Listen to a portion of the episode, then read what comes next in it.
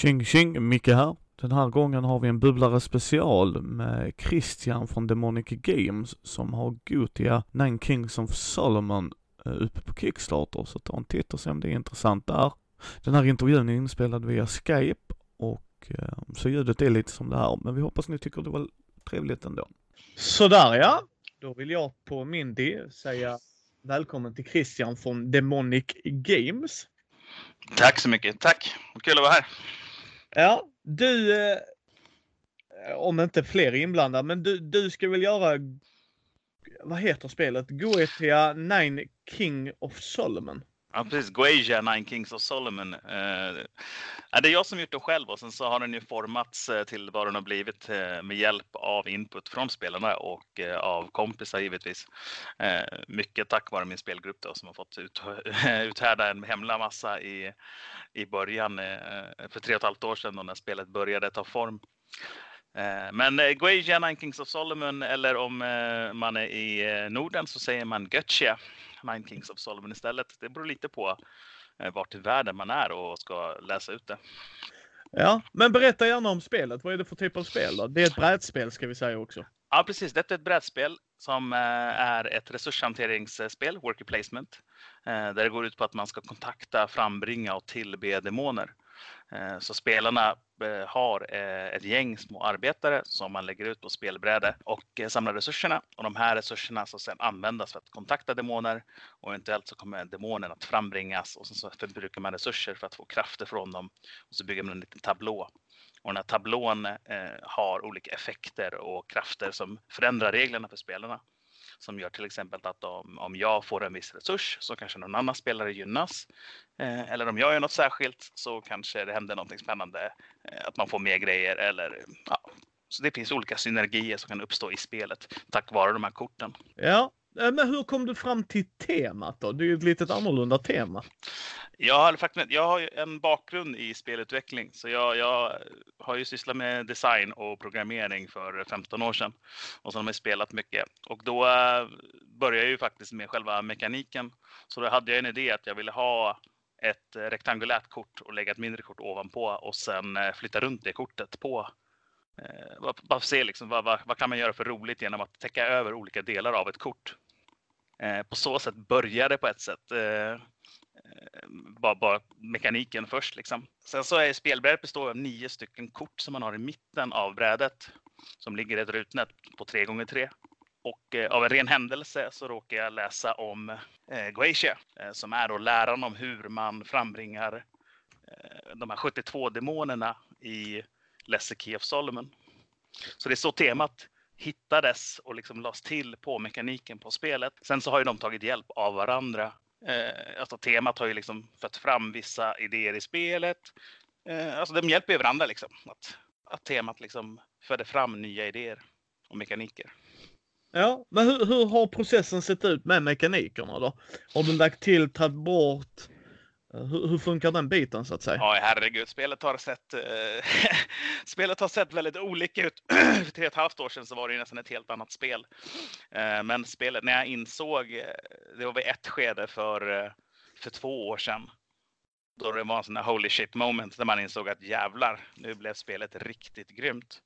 Eh, för en av grundmekanikerna är att, eller liksom hela det som är den unika mekaniken i spelet är att Eh, du har det här rutnätet med tre gånger tre rutor. Nu ska vi försöka lösa det här eh, utan visuella hjälpmedel, men bara, bara förklara. Men man får inbilla sig nu då, eh, ett rutnät med tre gånger tre rutor. Och sen så har man massor med gubbar parkerade på utkanten av brädet. Och om man då ställer en gubbe i mitten av brädet, så, så, och det, säg att det är en färg då, skulle vi kunna säga. Att de här 9 gånger 9 rutorna i olika färger, eller 3 gånger 3 rutorna i färger och ställer du i mitten så är den blockerad. Och skulle du då rekrytera en gubbe i utkanten som står på mitten, liksom högst upp eh, norrut om vi säger så. Eh, då betalar du bara kostnaden som är eh, under honom söderut liksom, i brädet. Så blockerar du alla nio rutorna i mitten av brädet. Då skulle det vara helt gratis att rekrytera gubbar från alla håll och kanter. Men om du bara blockerar i mitten så blir det billigare i mitten, men inte på kanterna. Förstår du vad jag menar? Lite svårt att förklara utan visuella hjälpmedel. Ja, folk får gå in och kolla på bilder. Jag tror det blir väldigt mycket tydligare då. Men där är det fina, för det som händer då är att folk behöver skicka ut sina gubbar in i det här rutnätet för att hämta resurser. Och när de gör det, eh, de har ju bara tre gubbar i början, och när de gör det så förändras kostnaderna för att rekrytera gubbar. Så ju fler gubbar som är ute och hämtar resurser i mitten så blir det billigare att rekrytera gubbar ute på kanterna. Och det är bara en gubbe som får rekrytera en gubbe per runda liksom. Ja, så det blir en lite sån, hur länge vågar jag vänta på att rekrytera gubben för att hämta resurser så gör jag det billigare för alla andra. sen, sen har man ju liksom komponenter. Ja, det, blir, ju- det blir ju också väldigt viktigt eh, för oss brädspelare på ett eller annat sätt. Att det Ja, ska ju sen ändå... är- Ja, och i och med att det är en- Kickstarter också så kommer det ju att folk vill ju ha det allra bästa liksom. Och nu är detta en, eh, det här är, jag kallar det för ett Eurogame i ett Ameritrash-skal. Eh, när folk ser det i liksom första anblick så ska de känna att ah, det här verkar vara ett Eurogame för att jag använder klassiska meeples Ja, och, och kuber. Eh, Och det, det kännetecknar ju Eurogames väldigt mycket, att det ska vara resurshantering. Då är det kuber och det är meeples man flyttar runt. Så vet man att eh, ja, men det här är ett Eurogame. Men folk Men- som ser eh, artworken, de ser att eh, shit, vad är det här? Det verkar lite rollspelet, det verkar lite mörkt. Eh, och det är det ju. Det är ett mörkt, eh, mörkt tema och det är demonologi, eh, och coola demoner och ball-lore. Eh, men mekaniken är ju i grunden och hjärtat i spelet liksom. ja. Men hur är dina tankar runt komponenter överlag då? För jag menar... eh, Ja, så här. eh, Kickstarten kommer ju vara att eh, behöver 400 pers ungefär för att kunna få spelet i sin mest grundläggande form. Och då är det liksom ja, men, vanliga komponenter, kartong, mynt och sånt. Men kommer vi upp i 1000 pers, då börjar vi snacka roligare saker. Då är det Metallmynt och eh, sådana plast, eh, inte plastgubbar, men startplay token som är en litet gethuvud eh, som vandrar runt mellan spelarna. Och sen givetvis få upp kvaliteten på alla kort så att det blir typ black core istället för någon ivory core eller någon, någon billigare papper liksom. Utan det ska vara högkvalitativa komponenter. Ja, eh, det glädjer mig på ett sätt. Jag behöver, för mig ska spelet vara bra, men det är ju roligt när... Det är, det är tråkigt när ett bra spel har dåliga komponenter. Ja, och det har jag sett. För den, de eh, prototyperna jag haft med mig så har jag ju några riktigt fina eh, metallmynt som är i samma storlek som jag har för avsikt eh, eh, att använda. Och folk, eh, folk vill ju jättegärna ha de här små metallmynten. Och eh, då har jag det. Då har jag det färdigt. Då finns det. Jag behöver bara få tillräckligt många människor som, som vill köpa spelet. Då eh, kommer det bli små metallmynt med små ögon på som då representerar uppmärksamhet från demonerna. Ja, eh, och sen har man ju då illustrationer. Det är också en del av ett spel ju. Eh, hur Ja, har dina tankar varit runt där?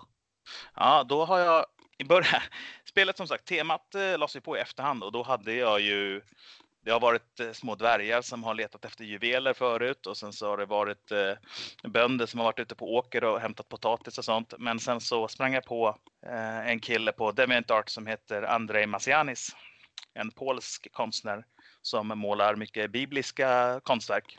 Och vi fick kontakt och kom överens om att vi skulle samarbeta så att han har målat allting i spelet faktiskt. Eh, Det vi har i spelet är ju alla hans livsverk. Eh, där vissa av verken då är ju gjorda specifikt för spelet. Eh, däribland några av demonerna.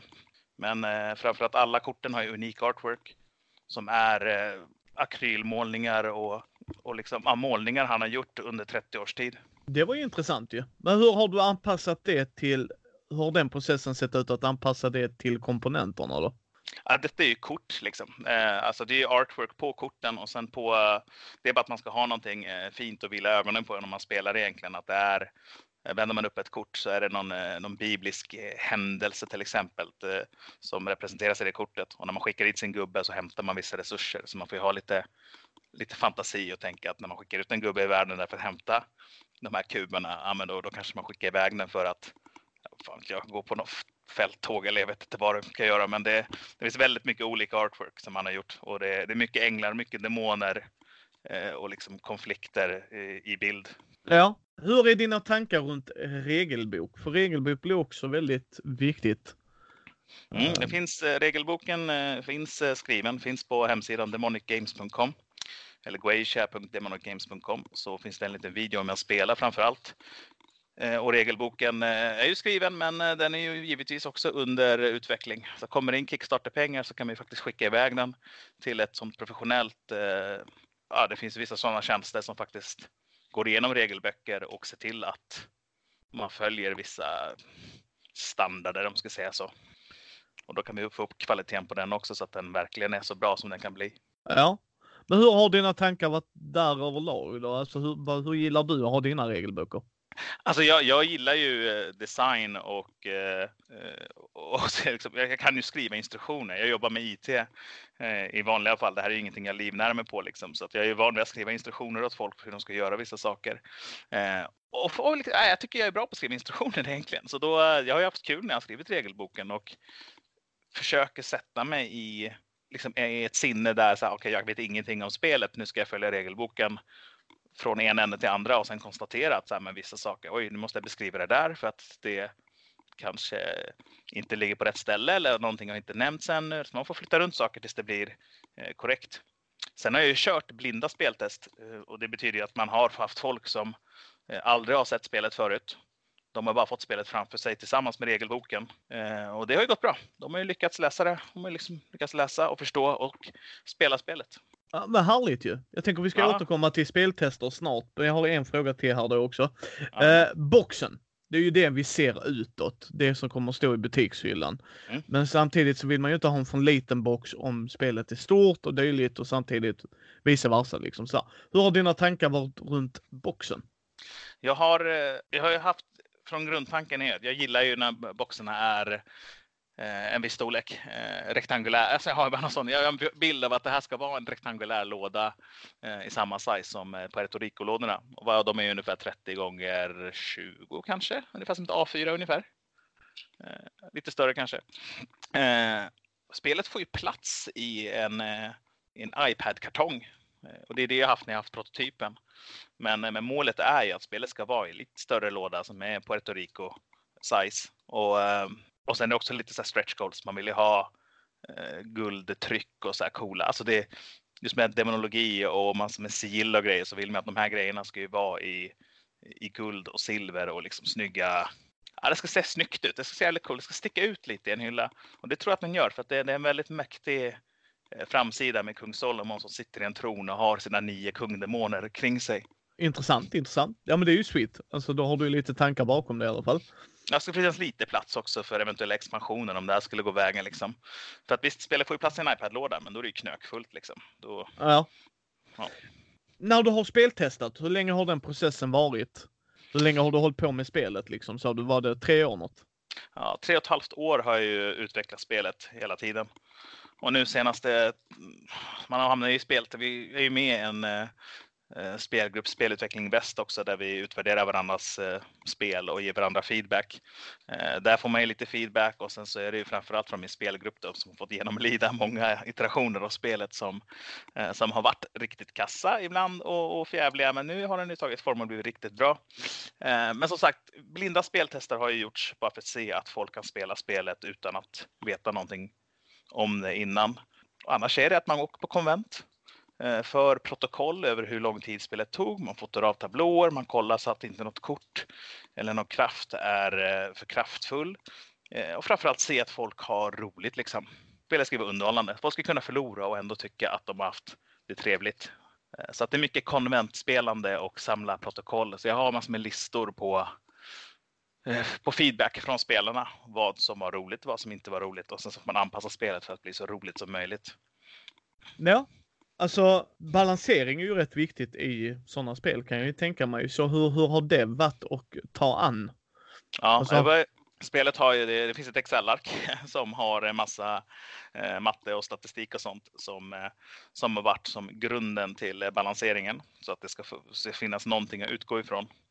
Eh, och allt efter det så har man ju sett i speltesten sen att okay, vissa kort behöver ändå förändras och då liksom får man gå in och finjustera Eh, enstaka kort och så. Och, och det, det, ser man hela tiden än idag, liksom, att det finns, ah oh shit, det där skulle man vilja kanske göra eh, liksom öka bara någon liten poäng på en viss grej eller minska på en liten poäng där. Eh, och det tror jag man håller på att pilla på i all oändlighet eh, precis som med vilket projekt man än har, att man kan gå in och, och göra en liten finjustering här och där. Eh, men överlag så, så blir det eh, så blir det liksom jämnt när folk spelar. Och så, givetvis finns det specialfall. Eh, om det är liksom en pro-gamer mot, mot någon stackare, då, eh, då ser man att någon har en, en strategisk plan i spelet, vilket man kan bygga, eh, medan den andra inte har det. Äh, men då åker man på pisk liksom. Precis som i vilket annat spel som helst. Ja. Ja, men då är det ju skillen som avgör ju. Då är det ju lite annorlunda också ju. Ja, men precis. Eh, varför Kickstarter?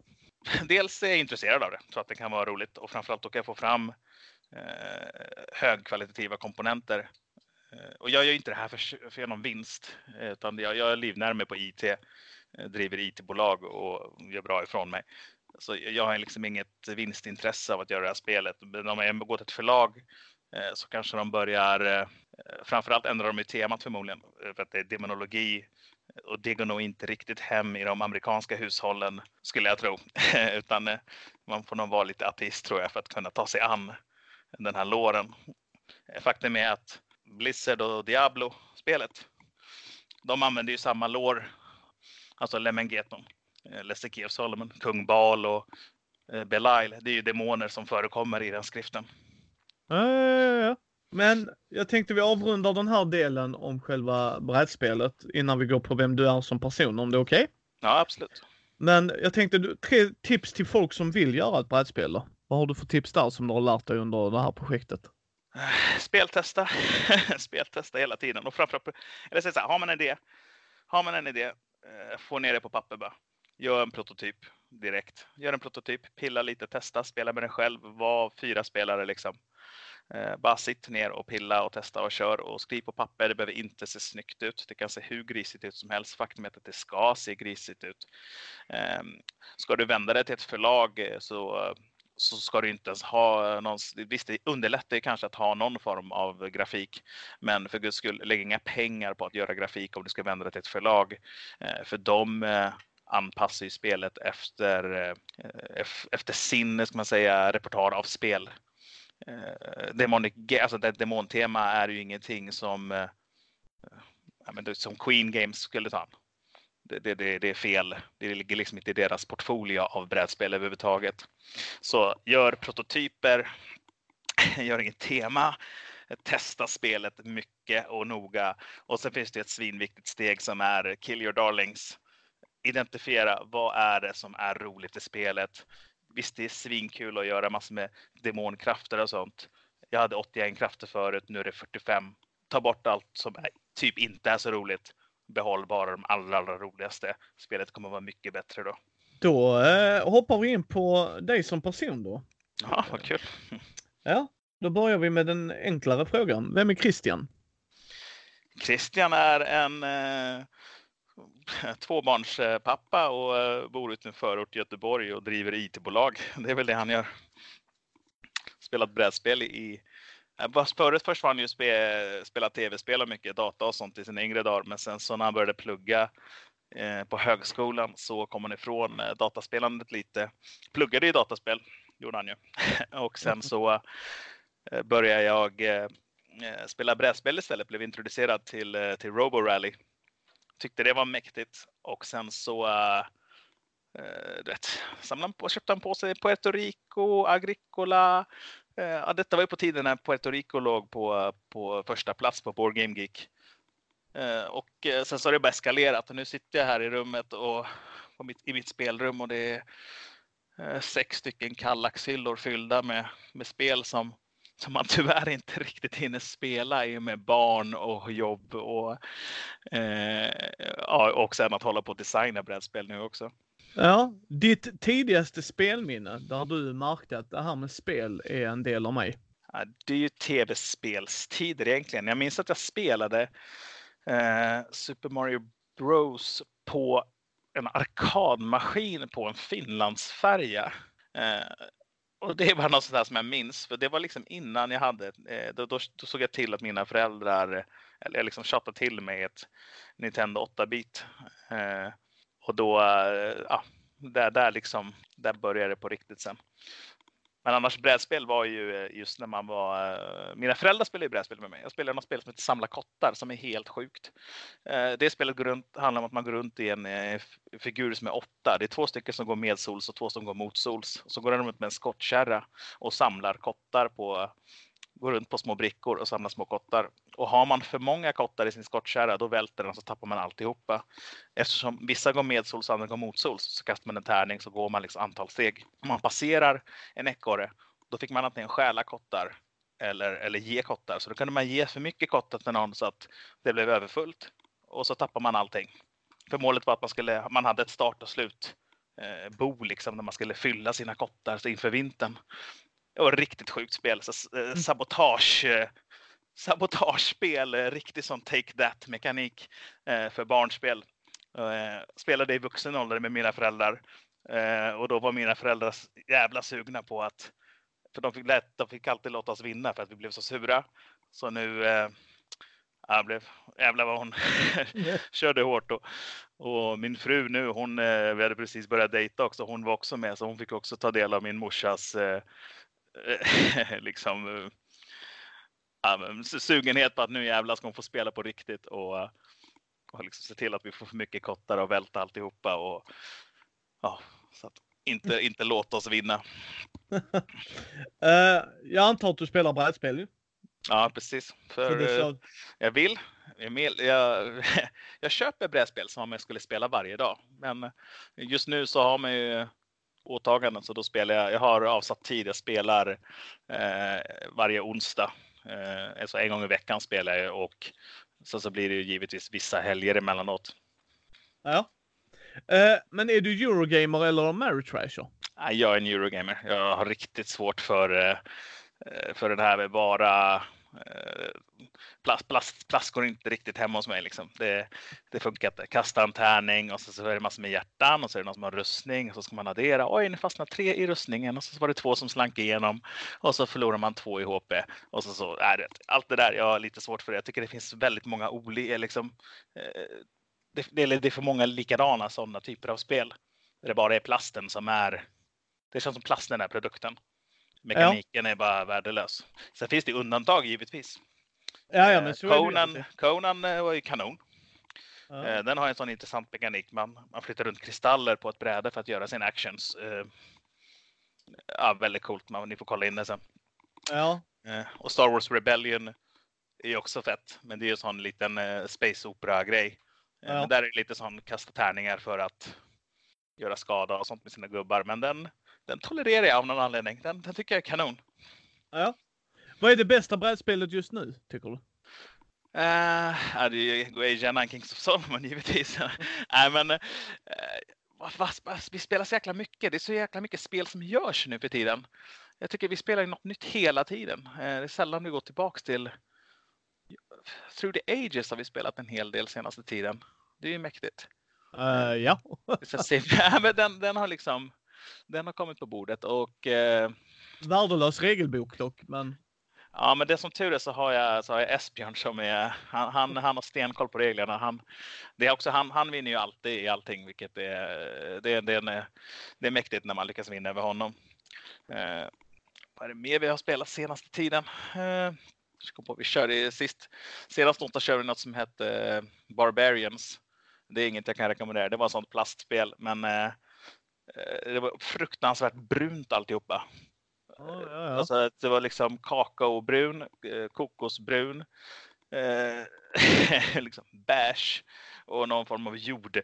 Och det så ska man säga, ah, men du drar ett brunt kort. Man bara, ja, då har jag fyra olika nyanser av brunt här vi ska dra. Så att det var liksom hopplöst eh, när vi satt där. Det gick att ta sig igenom spelet, men det var ändå sån här, eh, hur är det möjligt att ett sånt här spel har blivit utvecklat eh, till det här? Alltså att, att, att det, det, går inte att se det. Man måste ha extremt bra belysning för att kunna se skillnad på alla de där bruna färgerna. ja. Nej, Det så det var, det, det var ingen hit det då, nej. Nej, men då blir man, då blir man taggad istället. Det är så här, fan om det här finns, då måste ju det här demonspelet också finnas. Det är, liksom, det är ju så, fan om, det, om de här grejerna har liksom kommit slankt igenom, då är min produkt kanon. Ja. Spelar du rollspel? Jag har försökt spela rollspel några gånger, men det, det har inte riktigt... Eh, jag vill, Men det är det här med tid och eh, ja, det är det med tid just nu. Jag, jag önskar att jag hade gjort det när jag var yngre, eh, men det fanns liksom aldrig tillfälle. Det blev ingen grupp som, eh, som ah, det var ingen som spelade rollspel i min krets, så då, då blev det liksom aldrig av. Okej, okay, okej. Okay. Men vad, vill du bara vara spelare eller hade du velat vara spelledare, tror du? Jag hade nog velat börja vara spelare tror jag, så att man, så man lär sig allting och vet. För, för jag kan, historia kan jag nog berätta, liksom, hitta på coola events. Det, det tror jag inte har något problem med. Men man måste alltid börja med att vara, få uppleva det först och, och sen hitta på grejer efterhand. Vad, vad tror du du hade varit rull eller rollspelare? Alltså hade du varit där för mekanikerna eller för tematiken? Nej, just för rollspel så är det ju för temat och, och en, ett äventyr och upplevelse och kunna eh, hitta på en story. Vi spelade ju något spel som hette Call to Adventure här för två veckor sedan. Eh, det var ju ett spel som eh, i sitt grundmekanik var ju liksom spela ett kort och så stod det bara att man är typ en eh, eh vad heter det, orphanage, eh, eller inte orphanage, men att man är vad heter det, föräldralös till exempel. Och när man eh, valde att få det kortet så skulle man liksom berätta historien, alltså okay, jag, att, att ens karaktär då är föräldralös och sen har man ett mål i livet och det kanske är att man är intresserad av mörk magi. Eh, och sen nästa nästa tur i spelet så drar man ett nytt kort då man kanske besegrar eh, något monster av något slag och då ska man liksom spä på historien och förklara vad är det som händer med min karaktär hela tiden. Eh, och då blir det allt mer dramatiska saker som händer under spelets gång. Att de korten du skaffar gör att det blir en väldigt cool story. Eh, och i slutändan av spelet så kan det ju vara så att, eh, att min historia med min karaktär eh, vävs ihop med mina medspelare eller motspelares karaktärer. Eh, och att de liksom befinner sig i samma värld. Att så, men nu ska jag besegra en fiende och då kanske det är min motspelare. Väldigt coolt liksom att hitta på sin egen historia på det viset med sådana enkla medel. Call to Adventure, det kan jag rekommendera. Ja, sen tänkte jag vi skulle avsluta här med vad tycker du är så underbart med vår hobby? Ja, det är att sitta med andra människor faktiskt. Eh, alltså jag förstår ju att folk sitter vid datorerna och spelar och att man kommunicerar och interagerar med varandra eh, den vägen också. Men det är ju ingenting som, eh, som slår att sitta liksom mitt emot riktiga människor och bara kunna umgås och kanske eh, dricka en bärs samtidigt och bara sitta och snacka skit samtidigt som man spelar. Det är ju charmigt liksom och det är ju roligt. Eh, och fan, jag gillar ju tävla liksom. Och det, det blir ju det när man spelar. Jag spelar ju för att vinna då. det är ju det som är viktigt. Men sen så är det ju ja, men så, om det är ett spel som handlar om att man ska bygga en karaktär där det ska liksom vara berättarteknik, ja men då, då får man gå in för det. Då, då vet man att då är det det som gäller. Då får man ju vinna på det. Att göra en cool story istället. Ja. Då vill jag tacka dig Christian för att du ville vara med. Ja, tack. Så hoppas vi att du lyckas med Kickstartern och eh, folk 12 november, det är 12 november, det är då det händer också. Det är kanske ja. är värt att nämna. Det är, det är då det startar. Eh, så det, det, vad är det med, idag spelar vi in den, den 3 november så det är om, fan om nio dagar liksom. Då ja. öppnar vi upp portarna och sen pågår det till 3 december. Så det är bara in och backa, supporta svensk speldesign, kolla alla videos som finns. Kolla, det finns en eh, How to Play-video faktiskt på Demonic Games hemsida som eh, beskriver eh, mekaniken. Den är 11 minuter lång och det är helt, eh, då ser ni hur grymt spelet är. Ja. Tack ja. Mikael. Tack själv du. Ta hand om ha det dig. Bra. Tack, hej. Hej. Tack för att ni har lyssnat på Mindys bräd och rollspelspodd. Ni hittar oss på mindy.nu eller på Mindys bräd och rollspelspodd på Youtube, Facebook, Twitter, Instagram. Stötta oss gärna på Patreon om ni känner att det är något ni vill göra. Eh, lämna gärna ett betyg på vår Facebook eller på iTunes så hörs vi på måndag.